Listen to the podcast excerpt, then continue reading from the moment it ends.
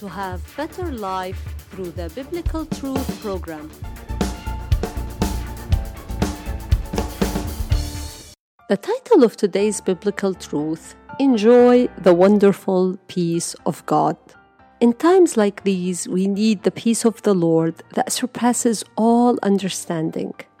Today's biblical truth assures us that the peace of the Lord Jesus is stronger and greater than all of your worries, sorrows, and problems. Yes, and the peace of God, which surpasses all understanding, will guard your hearts and minds through Christ Jesus.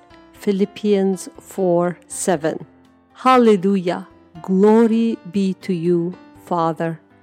And if you want to enjoy this peace, let the Lord Jesus reign over all of your heart, and then you will enjoy the wonderful peace of God. Jesus said, Do not let your hearts be troubled. Do not be afraid. Yes. Lord, when we hear news that is not reassuring, when we see the circumstances against us, when we see the enemy is against us, and when we notice that our prayers have been delayed, we will not be disturbed and lose our confidence in the Lord. Rather, we abide in the Father's love, rejoice, and receive His wonderful peace. Glory be to God. Glory be to the Holy Spirit. Hallelujah. Be careful. Do not live sad, and the Heavenly Father has a fountain of joy. Do not live troubled, and the Heavenly Father has a fountain of peace. Do not live weak, and the Heavenly Father has a fountain of strength. Yes, Jesus has it all. Yes, and the Lord gave them rest from every side.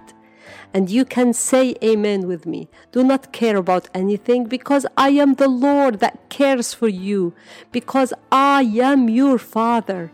And the peace of the Lord is not conditioned. The Lord gives peace in good times and in difficult times. Pray with me.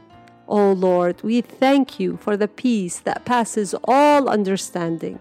We thank you because you turned the curse into a blessing. We thank you because through you we live, we move, and we have our being.